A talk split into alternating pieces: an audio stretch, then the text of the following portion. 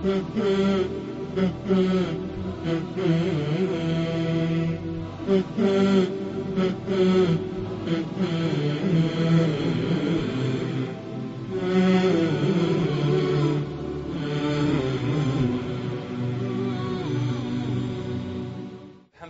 رب العالمين والصلاة والسلام على أشرف الأنبياء والمرسلين نبينا محمد وعلى آله وصحبه أجمعين Ovo je naš koji? 13. ders. 13. druženje. U prošlim predavanjima govorili smo o namazu i mislim da smo obradili poprilično lijepih tema vezanih za namaz. Svakako da je to sve šturo, da je to kratko, rezimirano, bez iznošenja dokaza, bez iznošenja rasprava, bez iznošenja mezheba. Ali mi smo ovdje došli sa željom da se upoznamo sa osnovnim propisima, onaj ko tjedni se znači detaljnije edukovati u pogledu ovih pitanja, on će ako Bog da tu naći u knjigama. Danas ako Bog da u ovom zadnjem našem danu pokušat ćemo da obradimo poglavlje posta, i, ako ostane vremena da obradimo i neka savremena pitanja iz nekih razno raznih poglavlja. Prvo, braću moja draga, post mjeseca Ramazana je jedan od pet temelja vjere Islama po konsenzusu islamskih učenjaka. To nam potvrđuje hadis Ibn Omara u Buhari i Muslimu da je poslanik rekao Islam je sazdan na pet temelja. Pa je spomenuo od njih post mjeseca Ramazana. Tako da oko toga ne postoji razilaženje kod islamskih učenjaka da je mjesec Ramazana temelj vjeri. Samim tim dolazimo do zaključka da je ostavljanje posta od strane onoga kom je obaveza postiti veliki grijeh. Imam Ezehebi, Imam Ezehebi je bio učenik Čin. Učenik od Ibnu Tejmije. Ibnu Tejmije je iza sebe ostavio velik broj ljudi koji su došli nakon njega i uradili su u historiji nešto što niko nije nakon njih uradio. Pa tako Ibnu Kefir je učenik Ibn Taymin i on je napisao tefsir koji znači sigurno i danas dan važi za jedan od najboljih tefsira. Imam Ezehebi je znači isto jedan njegov učenik. Imam Ezehebi također je u, u hadijskoj znanosti uradio nešto što nije niko drugi uradio i u mnogim drugim onaj znanostima kao što je historija u svakom slučaju, on ima svoju knjigu koja je prevedena na bosanskom jeziku, zove se El ir Veliki grijesi. On kaže u poglavlju ostavljanja posta, vjernici, mu'mini, imaju, kaže, ubjeđenje da je ostavljanje posta od strane onoga koji je obavezan da posti, gore je nego činiti blud. I gore je nego biti hronični alkoholičar. I kaže oni, muslimani, mu'mini, sumljaju u islam onoga ko ostavlja post. I kaže oni o njemu imaju veoma loše mišljenje do te mjeri da ga smatraju onu pada im na pamet da bi mogao biti nevjernik. I sada vidite kako naš narod, kako olako svata, ja znam, i po selima i po gradu, Malo nekog sredičke ne postim. Vidiš neko puši, vidiš neko pije kahvu, čevabđinice, buređinice, pune muslimana u toku Ramazana. Znači, a zamislite možda tim istim muslimanima da mu kažeš taj krade ili taj bludnić taj pije alkohol, stakfirullah, alkohol, zinaluk, post i ostavljanje posta je mnogo, mnogo veći grijeh od spomenutog. To je ispravno svatanje prioriteta u islamu, znači da je post temelj islama i njegovo ostavljanje bespravno, znači govorit ćemo o kategorijima ko može ostaviti post, kada, ko može napostiti, ko ne mora napostiti, ali osoba koja je morala post pa nije postila, počinila je veći grijeh nego da je blugu počinila.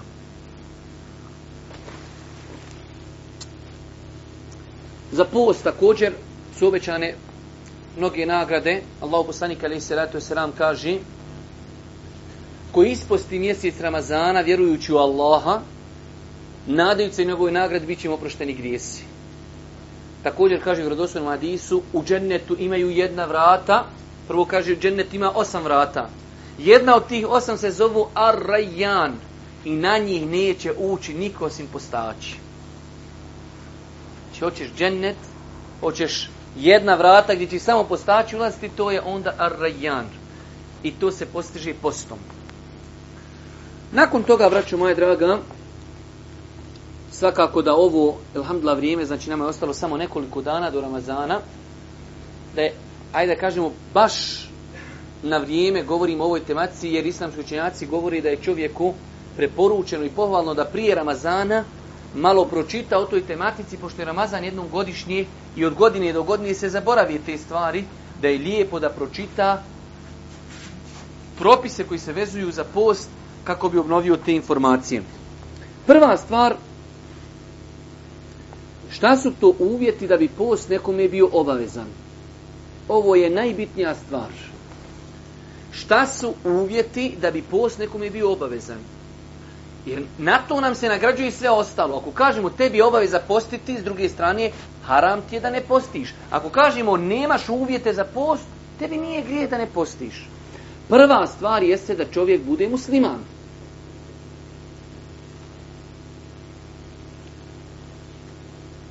I mi smo rekli da se šerijatski tekstovi odnosi na nevjernike. Ali oni kada bi postili njihov post nije ispravan sve dok ne prihvati vjeru. Druga stvar, da bi obavezan post bio neko sam, treba da bude šerijatski obveznik. Šta znači ovaj termin u šerijatu kada pravnici koriste ovaj izraz el mukellef, šerijatski obveznik, podrazumijevaju dvije stvari. Da je čovjek razuman i da je punoljetan. Znači prvo da je musliman. Nakon toga da je razuman. Nakon toga da je punoljetan. Samo govorimo dokaze, onaj, e, uvjete i njihove dokaze, nakon toga ćemo tematiku detaljnije obrađivati. Allahu poslanik alaihi salatu selam kaže trojici se ne pišu djela, u smislu nisu griješni. Pa je jednog od njih, odnosno dvojicu od njih spomenuo luđak dok se ne vrati, znači svom normalnom stanju, dok mu se ne vrati pamet i maloljetan dok ne postane punoljetan. Pogledajte kako je islam lijep. Dijete dok nije punoljetno grijesi mu se ne pišu, a kad uradi dobro djelo, pišu mu se dobra djela. Allah je mogao ispotpuniti svoje pravilnosti da kaže uradiš dobro djelo, ne piše se. Uradiš grijeh, ne piši se. Ali ne. Iz rahmeta i milosti dobro djelo uradiš, od malena piši se. Uradiš grijeh, ne piši se.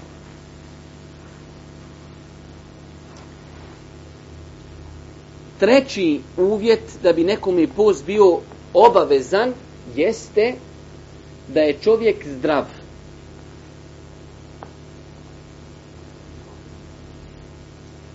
Allah Đelšanu na više mjesta u Kur'anu kaže in kuntum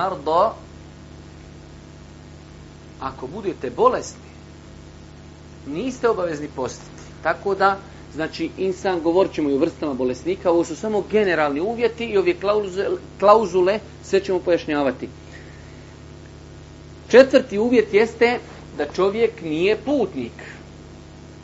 To je ono što je naš brat malo prije pitao. Onaj ko je putnik, na njega se ne odnosi obaveza posta. Ali vidjet ćemo, ako je postio, da li je post validan. I peta obaveznost, odnosno peti uvjet za obaveznost posta jeste da ne postoji prepreka da bi post bio validan. A to se odnosi na žene da ne postoji prepreka, žena može imati prepreku, prepreka je ili hajz, mjesečnica, ili nifas, postporodni ciklus.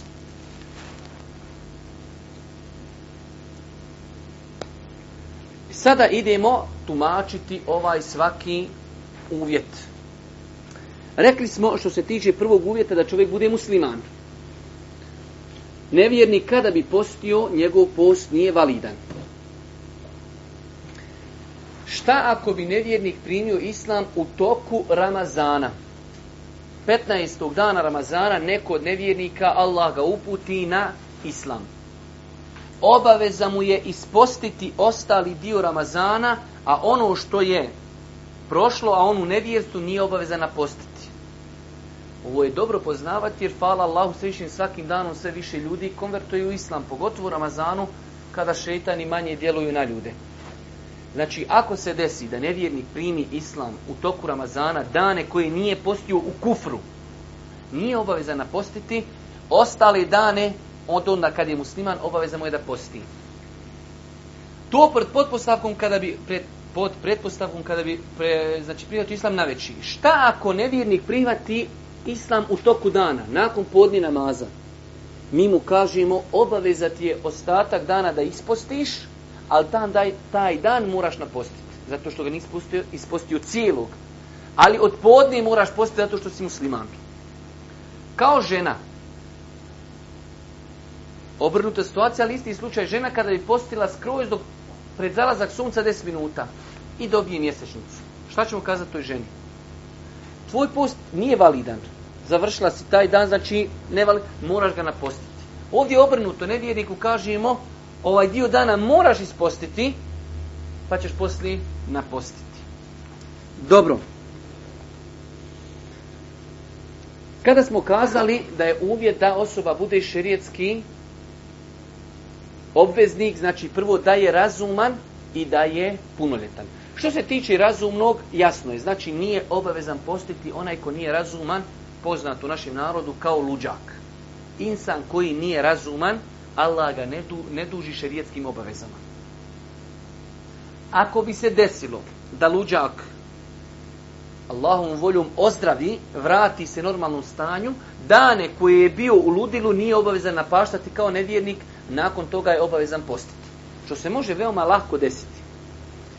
Kada smo rekli punoljetan, time negiramo post i obavezu posta od maloljetnih osoba, od djeci. Ali, djeca ako bi postila, njihov post je validan. Čak šta viši, pohvalno je, kao što je došlo u hadisima, da, je, da se djeca privikavaju na namaz od i već godine isto tako, od onog momenta kada djeca već fizički mognu izdržati da poste lijepo je privikavati na post. I ako posteje, bit će nagrađeni, ako ne poste, neće biti kažnjeni. Ovdje treba napomenuti jednu veoma bitnu stvar i pred svima vama je to, ako Bog da budućnost, a to je postajanje punoljetnosti, kako djeca postaju punoljetna. Pogotovo kod djevojčica. Djevojčica može postati punoljetna u devetoj godini, može u osmoj, može u dvanaestoj godini. Neispravno je kazati kada ima dni moja čerkica 18 godina počeće postati ona treba da posti od momenta kada je dobila mjesečnicu. Sljedeći Ramazan nakon njenog perioda kada je dobila mjesečnicu, ona je obavezna postiti. Može se desiti da djevojčica, pošto se žene znači u tom pitanju razlikuju čak na jednom podneblju. Prvo imate podneblja, pa imate određena podneblja gdje žene kasnije dobivaju mjesečnicu. Druga podneblja dobivaju ranije i u tim opet podnebljima postoji razlike. Kod nas se može desiti da djevojčica dobije u 12. godini mjesečnicu, a imate neke koji ne dobiju do 18. godine. Neke dobiju u 9. godini. Onog momenta kada djevojčica dobije mjesečnicu, ona je obavezna postiti. Ako bi se desilo da zdravstveno ili tjelesno ne može izdržati postiti, treba da pokuša postiti. Ako se vidi da ne može postiti, onda njeni roditelj će zapamtiti koliko dana nije postila i kada ona stasa pa čak nek prođi još jedan Ramazan i dva Ramazana, onog momenta kada bude fizički jaka, ona će to napostiti. Ali mora napostiti. I tu se javlja greška. Djevojčica postala punoljetna, dobro, možda ne može postiti. Ali niko ne zna kad je postala punoljetna i koliko dana nije postila. Zato roditelj, pogotovo majka, kad je u pitanju žensko dijete, otac kad je u pitanju muško dijete, zato što je žensko dijete bliže majci, muško bliže ocu. Majka treba zna kada je njena čirka dobila mjesečnicu, kada nastupi Ramazan da pokuša postiti, ako može, alhamdulillah. Ako ne može, a treba da pokuša, onda se zapiše koliko dana ili zapamti koliko dana djevojčica nije postila i onda to ako Bog da u budućnosti mora napostiti, to je Allahov dug kod njih. Također, kada smo kazali da je od uvjeta obaveznosti posta, da je osoba zdrava, time negiramo obaveznost posta od bolesnika bolesniku nije obaveza postiti. Kaže uzvišen Allah u suri El Bekara 185. ajet, ko od vas u toku mjeseca bude kod kući, neka ga u postu provede. A Ako se razboli ili se na putu zadesi, pa omrsi neka isti broj dana naposti. Znači, Boži uzvišen Allah spominje dva validna uzroka da se ne posti. Ko bude bolestan i ko bude na putu. Bolesnici, braću moja draga, se mogu podijeliti u tri kategorije. Ovo je veoma bitna stvar.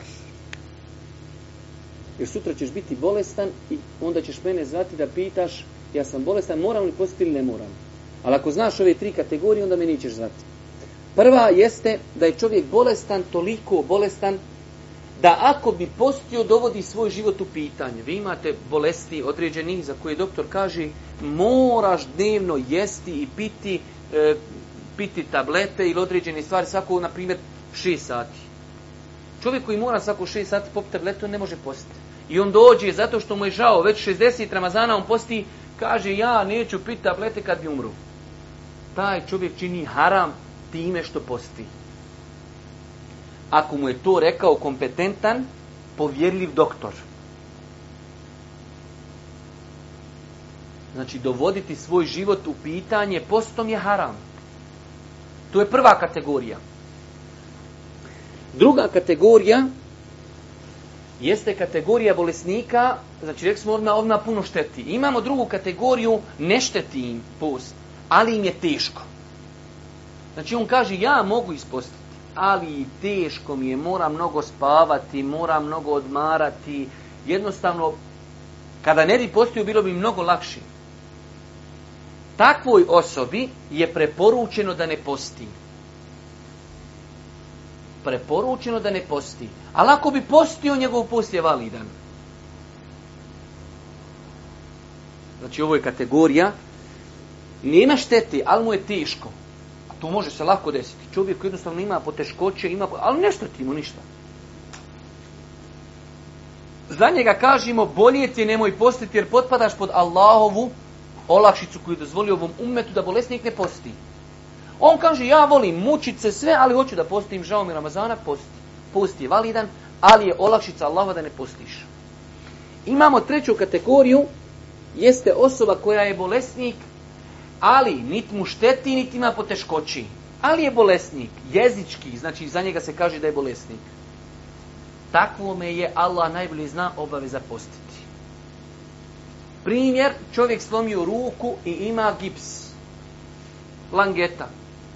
Prvi dan je možda imao bolove, morao dobivati neke inekcije. Nakon toga on je bolesnik. Slomljena ruka. Čovjek koji je slomljena ruka, on je bolesnik 100%. Ali on ništa ne dobiva, ništa ne gubi u smislu kada ostavi post. Takvoj osobi. Allah najbolji zna ako postoji takve bolesti. Gdje čovjek je bolestan, ali niti mu šteti, niti mu je teško postiti. Mi kažemo da bi trebao da posti a opet Allah najbolje zna. imamo ovdje još, još smo mi, komentarišimo uvjete, još za bolesnike se na, onaj, spominju dvije stvari, veoma bitne, vjerujte. Ja tokom godine samo Allah zna koliko puta budem izložen ovom pitanju.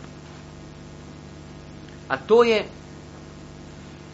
podjela bolesnika u pogledu napaštanja. Sad smo mi rekli, može neko da ne posti. Dobro, evo sad ja nisam postio, šta ću? Vjerujte koliko ljudi nas ova pitanja pitaju. Ja sam toliko puta u o mi govorio. Toliko puta odgovarao na netu o tim pitanjima. I kontam pa sav narod na planeti zna odgovor na to pitanje. I onda opet ljudi zovu. Zapamte jednu stvar. Znači, svi ljudi koji ne posti, su obavezni napostiti svoj post, osim dvije kategorije ljudi, oni trebaju da nahrani siromahe. Znači, to je najlakši zapam. Kod nas dođe brat negdje bio na putu i on nije postio i mene zove, mogu ja da nahranim siromahe. I prvo svi hoće da počnu nahranjivati siromahe. Niko ne kaže mogli ja da naposti. Svi bi da nahranjivaju siromahe. Žena bila u hajzu, ili bila u mjesečnici, ili je bila u, u, u nifasu, prvo što nazove, mogli ja siromahe nahraniti. Niko, ne ga je mogli ja Zato kažemo, svi ljudi koji su propustili post, obaveze im je postiti ono što nisu postili, osim dvije kategorije. Ako si jedno od ove dvije kategorije, možda nahraniti siromahe. Prva kategorija jeste iznemogli starije osobe. Oni će za svaki propušteni dan nahraniti jednog siromaha. Zašto? Zato što čovjek od 80 godina nikad više on neće se vratiti u 16. godinu pa da kažeš, e kad budeš više mlad ti ćeš na post. On sama može svake godine biti više slab. Zato stari nemogle osobe, ako ne i ne mogu izdržati, za svaki propušteni dan treba da nahrani jednog siromaha. Jedna kategorija. Druga kategorija, ljudi koji su oboljeli oboljenjima za koje doktori kažu da su neizlječiva. To je druga kategorija ljudi koji mogu da za svaki propušteni dan posta da nahrani siromaha, bolesnici koji su oboljeli oboljenjima za koje su kompetentni i povjerljivi doktori kazali da su to neizlječiva oboljenja.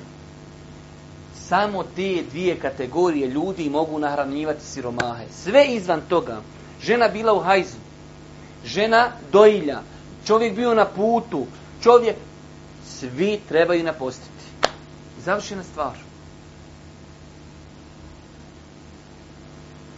Kratko, koliko treba da nahranimo siromaha? Šta da mu damo da bi se smatralo da smo ga nahranili? U pogledu toga ima razilaženje jako. Jedan broj je kazao treba mu dati pregršt nečega hranljivog i to je dovoljno. Drugi su kazali treba mu dati dva pregršta u mjerama Božih poslanika, to je pola sa'a. Sa'a, jedan, onaj koji se daje za od fitr, je četiri pregršta. To je otprilike dvije kile i četrdeset grama. Ovi kažu za nahranjivanje siromaha treba dati pola toga. To je dva pregršta, odnosno pola od dvije kile i četrdeset grama je kila i dvadeset grama. Znači, treba čovjeku siromahu dati prehrambenog artikla nekog kilu i 20 grama. Recimo kilu i pol. Tako da insan koji nije postio cijeli Ramazan, zato što je star ili zato što je obolio oboljenjem za kojeg doktori kažu da je neizlječivo, on ako izdvoji, hajde da kažemo, uzme onaj, kak se zove, 40 kila brašna i odnese nekom siromahu, on je svoju obavezu odužio. On može uraditi nešto drugo, pa da kupi 10 kila brašna, da kupi 10 kila riže, da kupi 10 kila graha, da kupi 5 kila šećera, 5 kila soli i da to sve namiri na 40 kila i da mu odnese jedan paket. Ali ako mu odnio 40 kila brašna i kaže, evo ti, znači inšala riješio je svoju obavezu. To je znači što se tiče bolesnika. Sve smo bili, ovaj govor je cijeli bio u pogledu bolesnika, kategorija ljudi kome nije obaveza postiti. Nakon toga rekli smo da je jedan od uvjeta obaveznosti Ramazana nekoj osobi da nije putnik. Šta smo time tom klauzulom izbacili? Izbacili smo osobe koji su na putu. Što znači, insan koji se smatra šerijetski putnik, on nije obavezan postiti. Šta smo prošli put rekli ko je putnik? Onaj ko putuje putovanje duži od 80 km i rekli smo u kojoj vrsti putovanja? U svakoj vrsti putovanja. Čovjek krenuo na more, inšala da će tražiti neku halal šerijatsku plažu, njemu je halal da, ovaj, da ne posti. Čovjek krenu na hač, može da ne posti. Čovjek krenu u turizam, može da ne posti. Čovjek krenu da obilazi rodbinu, može da ne posti. I tako dalje. Pa čak, ali to neću inšala spominjati detaljno, da čovjek krene putovanjem koji je haram. Čovjek splanirao ode u će dole, treba dole da drpi auto. Ali kaže, ja sam danas musafir, ja neću postiti, jer veli... Taj čovjek može da ne posti. Iako ima učenjaka koji kažu samo se može koristiti olakšica na putovanju koji je halal. Svako haram putovanje ne može se. Ali je tačno da ne možemo kazati da ne može on koristiti Allahove olakšice jer su ajeti hadis koji govori o olakšicama došli općeniti. Dobro, što se tiče putnika, mi smo rekli, zapamte pravilo, dok čovjek kaže ja sam šerijetski putnik, u smislu šer, na mene šerijat gleda sam putnik, putujem preko 80 km, mi mu kažemo možeš da ne postiš. Ali, imaju opcije kada on bi mogao da posti i dobro mu je da posti. Ali bilo koji putnik kaže ja se vozim avionom iz Sarajeva u Istanbul. Pazi, traje samo vožnja dva sata. Lijepo gore dobiješ čaj, dobiješ kahvu, dobiješ ručak, klima, non stop puši, lijepo.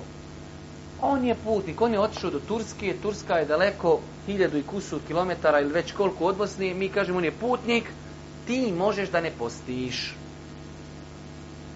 Zato šta? Zato što si putnik. Jer Allah Đerašanu, šta smo malo prije citirali, ko bude na putu i ko bude bolestan. Znači, općenito kada si na putu možeš da ne postiš ali da vidimo šta su učenjaci rekli kada je bolje postiti, ali nisi obavezan. Pa kažu učenjaci, imamo putnika kojim je lakše putovati ako ne posti.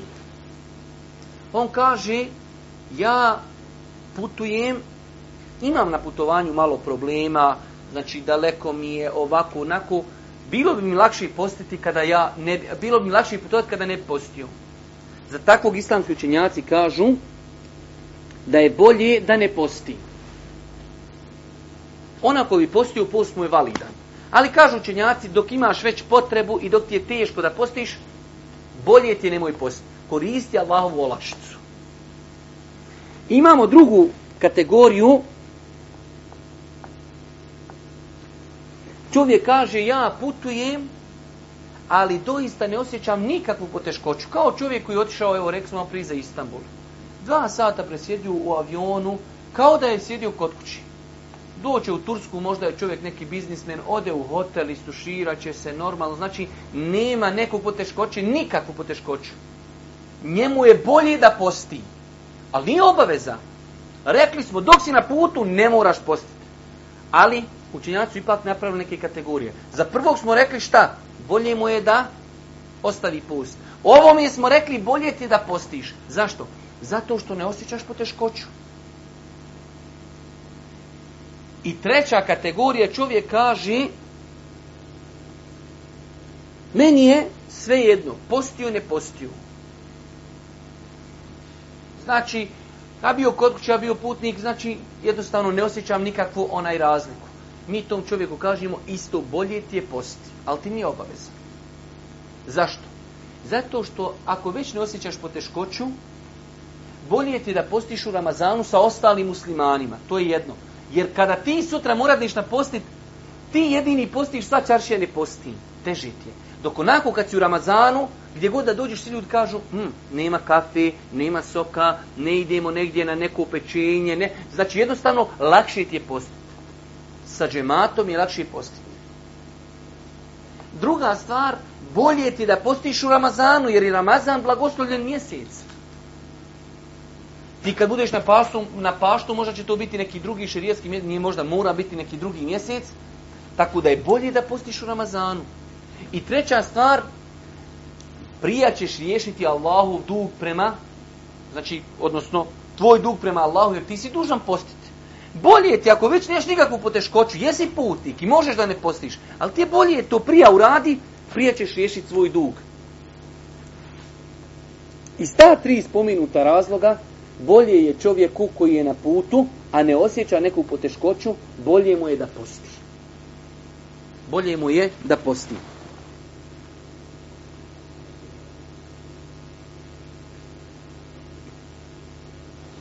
I zadnja kategorija, zadnji uvjet, rekli smo da bi nekom bio obavezan post, jeste, odnosi se na žene, da ne postoji zapreka. Pazite, kada smo govorili o djeci, rekli smo dijete nije obavezno da posti, ali ako bi postilo šta? Njegov post je validan. Musafir nije obavezan post, ako bi postio njegov post je validan. Žena u hajzu i nifasu nije obavezna posti, ako bi postila, uradila je haram, njoj je haram postiti. Ovdje se znači sada pitanje malo razlikuje. Malo dijete, kaže ja bi postio, posti. Ako postiš imat ćeš se. Ne postiš, nisi griješno. Ok. Putnik, Kaže, ja bi postio. Posti, ako postiš, ti si Allahu obavezu prema sebi završio. Kaže, ja neću da postim. Ok. Ali ako postiš, posti je validan. Žena u mjesečnici ili ni pasu ne može reći ja bi postila. Počinila je time haram po konsenzusu u Lemi i džaba posti. Džaba posti. Dane mora napostiti. Znači, pala je u Belaj što je napravila haram i nakon toga opet to mora napostiti. Znači, žena u hajzu i nifasu u osnovi se na nju obaveza posta ne odnosi. Njen post nije validan. I zato, znači, kažemo, onaj, žena ima jednostavno zapreku za validnost posta. U tom momentu, da tu imate žena koje, znači, iz neke velike ljubavi prema postu, nakon što je možda postila 10 Ramazana ili 20 ili 30 ili više, jednostavno ne može se pomiriti s činjenicom da ne posti i posti u takvom halu i takvom stanju, ili imate šta sistem još jedan, da nekada djevojčica dobije mjesečnicu. I stid je kazati roditeljima. Zato što relacije njene majke i nje nisu takve, da je nju stid kazati da je postala punoljetna i onda oni nju zovu na sehur i ona ustaje na sehur i posti i onaj, kako se zove, možda djevojci 15 godina. I dobila mjesečnicu. Njeni roditelj ne znaju da je dobila mjesečnicu i ona ustaje sa njima na sehur, ustaje na iftar i sve to. Znači to je onaj neispravno.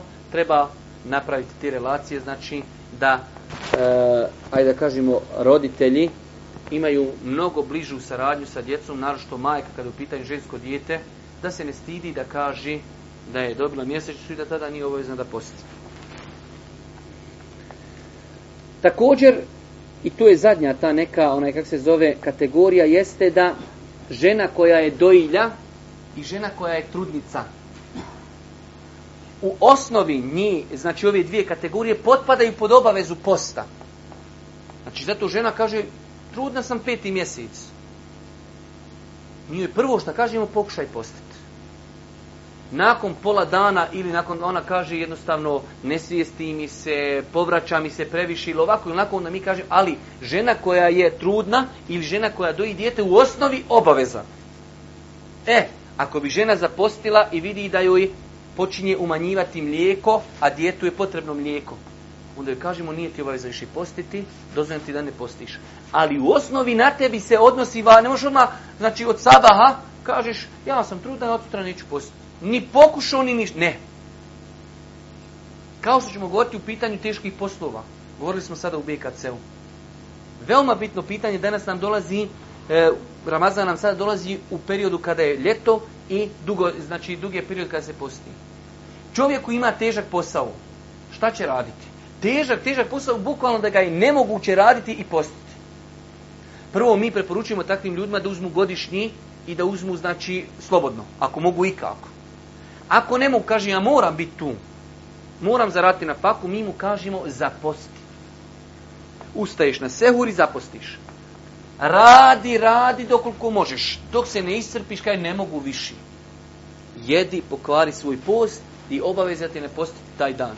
Ali, ti nisi ustao na sehur u 7 sati, kod kuće doručkuješ i kreneš na posu To je neispravno. Šta misliš ti taj dan dođeš, ti doručku kod kuće, i gazda kaže, eto danas nema posla, zatvor, bankrotirala firma. Ti pokvario post, post bez vezi. Tvoje je da zapostiš, da odeš na posao i da radiš. Možda će te Allah počasti nekim kerametima, će ti hurije dolaziti iz dženeta i non stop polivat po tebi vodu, neće biti ni vrući, ćeš biti gladan i žedan. Ili ćeš možda pet puta danas zaboraviti, odeš, pojedeš volku tepsiju, piteš kada ti zaboravio, ja sam se ne Alhamdulillah, zaboravio na gruho se pojio tepsiju pite i nastaviš post, post validan. Ali kad si jutro doručkovo, svjesno doručkovo, pokvario si post na nevalidan način. Pogledajte šta znači šerijatsko znanje. Obodvojica isto, obodvojica jeli u, u deset sati, ali jedan napravio haram, drugi nije napravio haram. I obodvojica moraju napostiti. Pogledajte šta znači šerijatsko znanje. Tako isto dojilja i trudnica. Oba dvije potpadaju pod obavezu. I dvije trebaju pokušati. Ako se ispostavi žena jednostavno trudna, kaže ne mogu, slabašna sam, ok, imaš olakšicu i ti ćeš šta? Napostiti dane kada budeš mogla.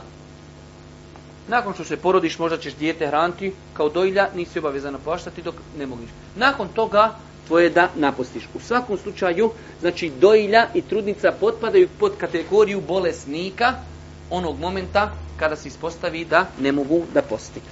Ovdje ćemo se ako Bog da nakon što smo definisali onaj uvjete, evo otprilike pola sata i malo više smo ovaj prvi naš čas završili, malo ćemo se opet osježiti, pa nastavljamo ako Bog da sa našim drugim predavanjem vezanom, vezanim za post. Subhanak Allahumma wa bihamdike, ešhedu in la ilaha illa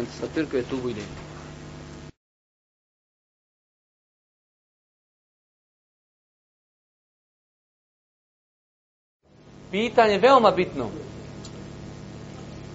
Nije dozvoljeno pokvariti post isto kao čovjek koji putuje na putovanju. Kad smo rekli da može početi, hajmo braću Tarke, veoma bitno bi, ja sam ga htio spomenuti subhanla i očilo mi sa smisli. Znači, ne možeš pokvariti post kod kući. Kvariš post onog momenta kada iziđeš iz svog grada. Tada, kao što se može desiti, evo što se može desiti. Čovjek kaže, danas imam let za Tursku u dva sata, nema šta, u dva sata letim i ja kod kuće gotovo kvarim put jer ja sam danas musafir. On dođe na aerodrom, kažu, odgođen let.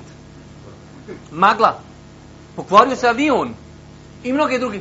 Ti, zato, onog momenta kad ti sjedneš u avion i izletiš Sarajeva, ti si sad tamam, razumiješ da odmah kažu nestalo goriva, spuštamo se u Zagreb. Ti si mu safir. Isto tako autom ili pješci, musafir si onda kada napustiš Sarajevo. Sve dok si u Sarajevu postoji mogućnost i kreniš, došao do Alpašnog, zove žena, kaže, umro ti babo, vraćaj se nazad. Znači, ne može se pokvariti post, osim onog momenta kada stvarnosti postaneš musafir, a postaješ musafir u stvarnosti kada? Kada napustiš naselje svoje u kojem živiš, odnosno grad u kojem živiš, ili uzetiš s avionom onog momenta kada putuješ avionom.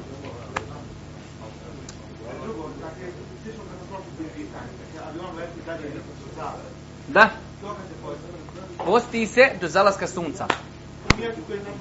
U je dolaziš ili u avionu. I u avionu zalazi sunce, izlazi sunce. Možeš gore letiš i ti vidiš sunce zašlo, kad ti zastane, zađe sunce ti u avionu, iftariš. Može se desiti da će ti post biti kraći ili duži da, sat ili dva, ali to ne znači ništa. Ti znači, čak su učenjaci govorili o pitanju, lupam u Sarajevu si, to se može desiti. Zaslo sunce, ti se iftariš i avion polijeće i ti gori i ti odgovor uglaš sunce. Ti si iftariju sa ljudima kojima, s kojima si postio i nemaš više išta. Ali, ako već slijećeš i došao si lupam, letio si u pravcu Turski ili obrnuto, ako si išao gore prema, isto, e, prema zapadu, znači kako sunce zalazi ti ideš za njim. U se mi iftarimo lupam u devet, kod njih u deset. Ti sa njima iftariš zato što si ti postao stanovnik tog mjesta i za tebe se odnosi sunce tog mjesta. Ima na primjer prije sad odlučimo i ovo ne mogu ja više, onda ja sad nešto koristim, možda sad, da li to što smo mi taj odlučili da možda krenemo nešto pojest, da li to Bolje se ne igrat sa tim. Ima u Leme koja kaže čovjek koji zaista odlučen u sto postu. Idem. I dođe, i dođe tam do friždera kaj neću. Ima u Leme koja kaže pokvario post. Iako ja tu potom i ne dajem fetve, ali treba se paziti. Ne treba se igrat sa tim. Ako ono čovjek koji je došlo 5 do 12 jednostavno što ne mogu post, donio namjeru idem pokvar, post pokvario post. Ali ono čovjek pa je bili postio, pa ne bili postio, ma idem ja ću se omrsiti, pa tamo, ma neću se omrsiti. Opasno. Minimalno što može kazati je opasno. Jer ima ulemi koja kaže onog momenta kad doneseš čvrstu na, dok se ti sa šetanom koleva, pa postio bi, pa i ne bi, pa slušaj, šta će mi reći narod, pa kako ću samo, sve to, ali kaže, gotovo ode ja, krenu prema frižderu, ja ode uzeti nešto iz friždera. Ima kaže onog momenta kad doneseš čvrstu odluku, jer kaže post se sastoji iz dvije stvari. Iz namjere i iz suzdržavanja. Ne može jedno bez drugog. Ovo je namjer, ti sprekinu svoj namjeru. Tako da je opasno. Zato moj vam savjet, ne igrajte sa tim. Pitanje to... Pitanje, dobro, nema smetnje, kroz historiju su najveći učenjaci za sebe govorili da pripada i nekom sebi. Nima smetnje za sebe čovjek kaže da je, da je ne seba. Ali, prvo ovo pitanje, koga slijediti? To je jedno pitanje. Muštehid mutlak. Znači, ako je veliki, veliki muštehid, on nikoga ne slijedi i nikoga ne uponaša. Imate drugu kategoriju ljudi koji su ljudi obrazovani šerijatski i dobro obrazovani, da imaju toliko znanja da mogu vagati između dokaza on posluša šta su rekli hanefijski učenjaci, posluša šta su rekli hanbelijski učenjaci i kaže ja sam toliko širijetski obrazan da mogu izvagati. Ja znam šta znači hadis sahih, znam šta je daiv, znam šta je opći dokaz, znam šta je posebni dokaz, znam šta je derogirani, znam šta je derogirajući, znam sve to, ja mogu izvagati. Takav čovjek kada pristupi određenom pitanju, pogledat će u to pitanje, izvagat će i uzet će jedno mišljenje. I treća kategorija, vidite kako idemo, e, znači hronološki, imamo mučtehid, ne slijedi nikog. Ovaj će slijediti onoga za čije dokaze vidi da su jači. I treća kategorija su opće mase, takozvani mukallid, koji nekog oponaša. On oponaša nekoga. E, sad koga će on oponašati? Čovjek može oponašati, kaže ja oponašam mezheb, hanetijski. Meni je draži da oponašam Ebu Hanifu nego Safeta Kuduzovića. Za mene Ebu Hanife je bio veći autoritet od ovoga. On će biti pitan kod Allaha na sudnjem danu po hanefijskom mesebu. Ali da ne bude, a sad mi hanefijski paši, sutra mi u drugom pitanju ne paši. Sad Ebu Hanife više nije original. Znači da uzme sebi čovjeka autoriteta kojim vjeruje i da ga pita i njegov mezheb, njegov pravac je pravac onoga što mu njegov taj autoritet rekne. Ali normalno sa tu parametri koga pitati? Pitati nekog ko je po tvom mišljenju, shodno tvom, najpobožniji i najučeniji. Do ovdje dolazimo do onog pitanja da ne pitaš ko ti je povoljan. Jedne prilike ja sam vam navodio jednom primjer. Jedan momak gdje sam ja nekad davno živio, zaposlio se u osiguranju auta. Osiguranje auta je haram. I raditi u dijelu gdje se radi s haramom je haram. I on počeo raditi u tom mjestu, ja mu nisam htio ništa reći. I jedne prilike mi nakon što sjedimo i došlo je malo priča oko toga, ja mu kažem, rekao, pa čudi me, rekao, kako si prihvatio taj posao, rekao, nisi mene, jer rekao, jer rani smo, rekao, da me nisi konsultovao, pitao me. Pa kaže, pitao sam ja, sad da ne vrijeđam nikoga, zaista on tako meni kaže, pitao sam ja Efendiju, kaže, našeg, jer znam kaj da te, sam te pitao, ti mi rekao da je haram. Znači, pitaš ko će ti dati odgovor kakav tebi treba. Ne. I tu nemoj misli da si zafrku gospodara, ko što su ga židovi mislili zafrka dva će petkom mrežu, pa nedjeljom izvade mrežu i nisu subotom lovili. Znači, postaviš sebi, za mene je najveći danas autoritet taj i taj, on mi je najpobožniji i najučaniji. Njega pitam. On što tebi kaže da je haram, za tebe treba da bude haram i bit ćeš pitan na sudnjem danu jesi radio da je haram. Ono što rekne da je halal, a za tebe je halal i bit ćeš na sudnjem danu pitan da je halal. Ti lupam, odeš kod nekog autoriteta kojeg smatraš da je autoritet i ispričaš mu svoju priču, evo rećemo primjer sad, samozadovoljavanja. I on kaže tebi, haram ti je samozadovoljavanje. Jer si mu ispričao neku priču, kažeš ti mene malo zvizno u mozak, stvarno mi se sviđa neka tamo gore dole, e, i kaže ti on, to nije validan razlog za samozadovoljavanje. Znači, tebi je taj alim tvoj koji ti je autoritet, boji se Boga i smatraš da je učen, kaže ti haram. Ti kažeš, pa šta, kakav, on i kakav njegov haram. Ti ćeš na sudnjem danu biti pitan, za tebe je to haram. Uradiš li to, Allah će te pitati da je haram, da si uradio haram. To su ti, i sad ti ovdje si došao, razišao se, Pezić i Safet. Nisu se različili i Safet, se različili mezhebi. Še i Safet preferira mišljenje jednog mezheba, ja preferiram drugo, zato što Safet kaže za sebe, ja imam dovoljno jake, onaj, kak se zove, mogućnost da izvagam između argumenata. Ja isto za sebe kažem, ja mogu izvagati. Ti, dragi hađija, tvoje da kažeš, za mene je Šeji Safet veći autoritet, bolji govornik, više ilma, ima više znanja, ja ću slijediti šeha Safeta jer sam zbunjen. Pezić kaže, ne treba ući, Safet kaže, treba, šta ću raditi? Slijedi onoga koji za tebe učeniji i koji za tebe bogobojazni. U svakom slučaju imamo izlaz iz svake situacije. Možeš u datu u, biti, u biti ti trebaš sebi da to samo ne bude iz razloga, ti ne moraš sad uzeo si safeta, si uzeo i pitaš jedno pitanje, sutra ti nešto treba pitanje, nešto posjekao si se, ovo ono, direktno treba odgovor, ti ne možeš dobiti šija safet, kažeš nije šija safeta, gotovo, umrla je vjera, ne.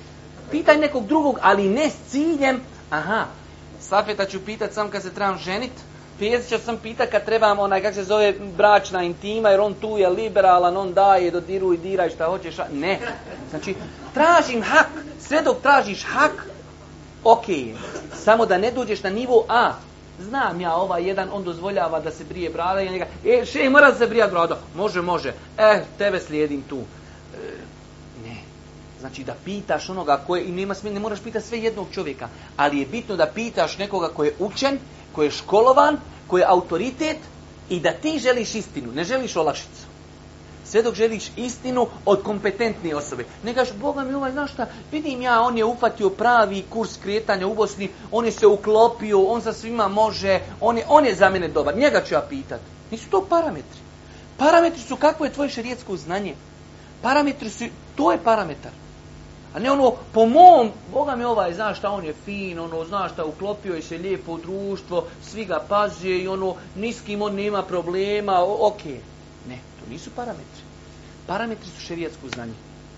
To je sažeto, nešto rezimirano, kako se ponašati u pitanjima, znači, ko koga može slijediti.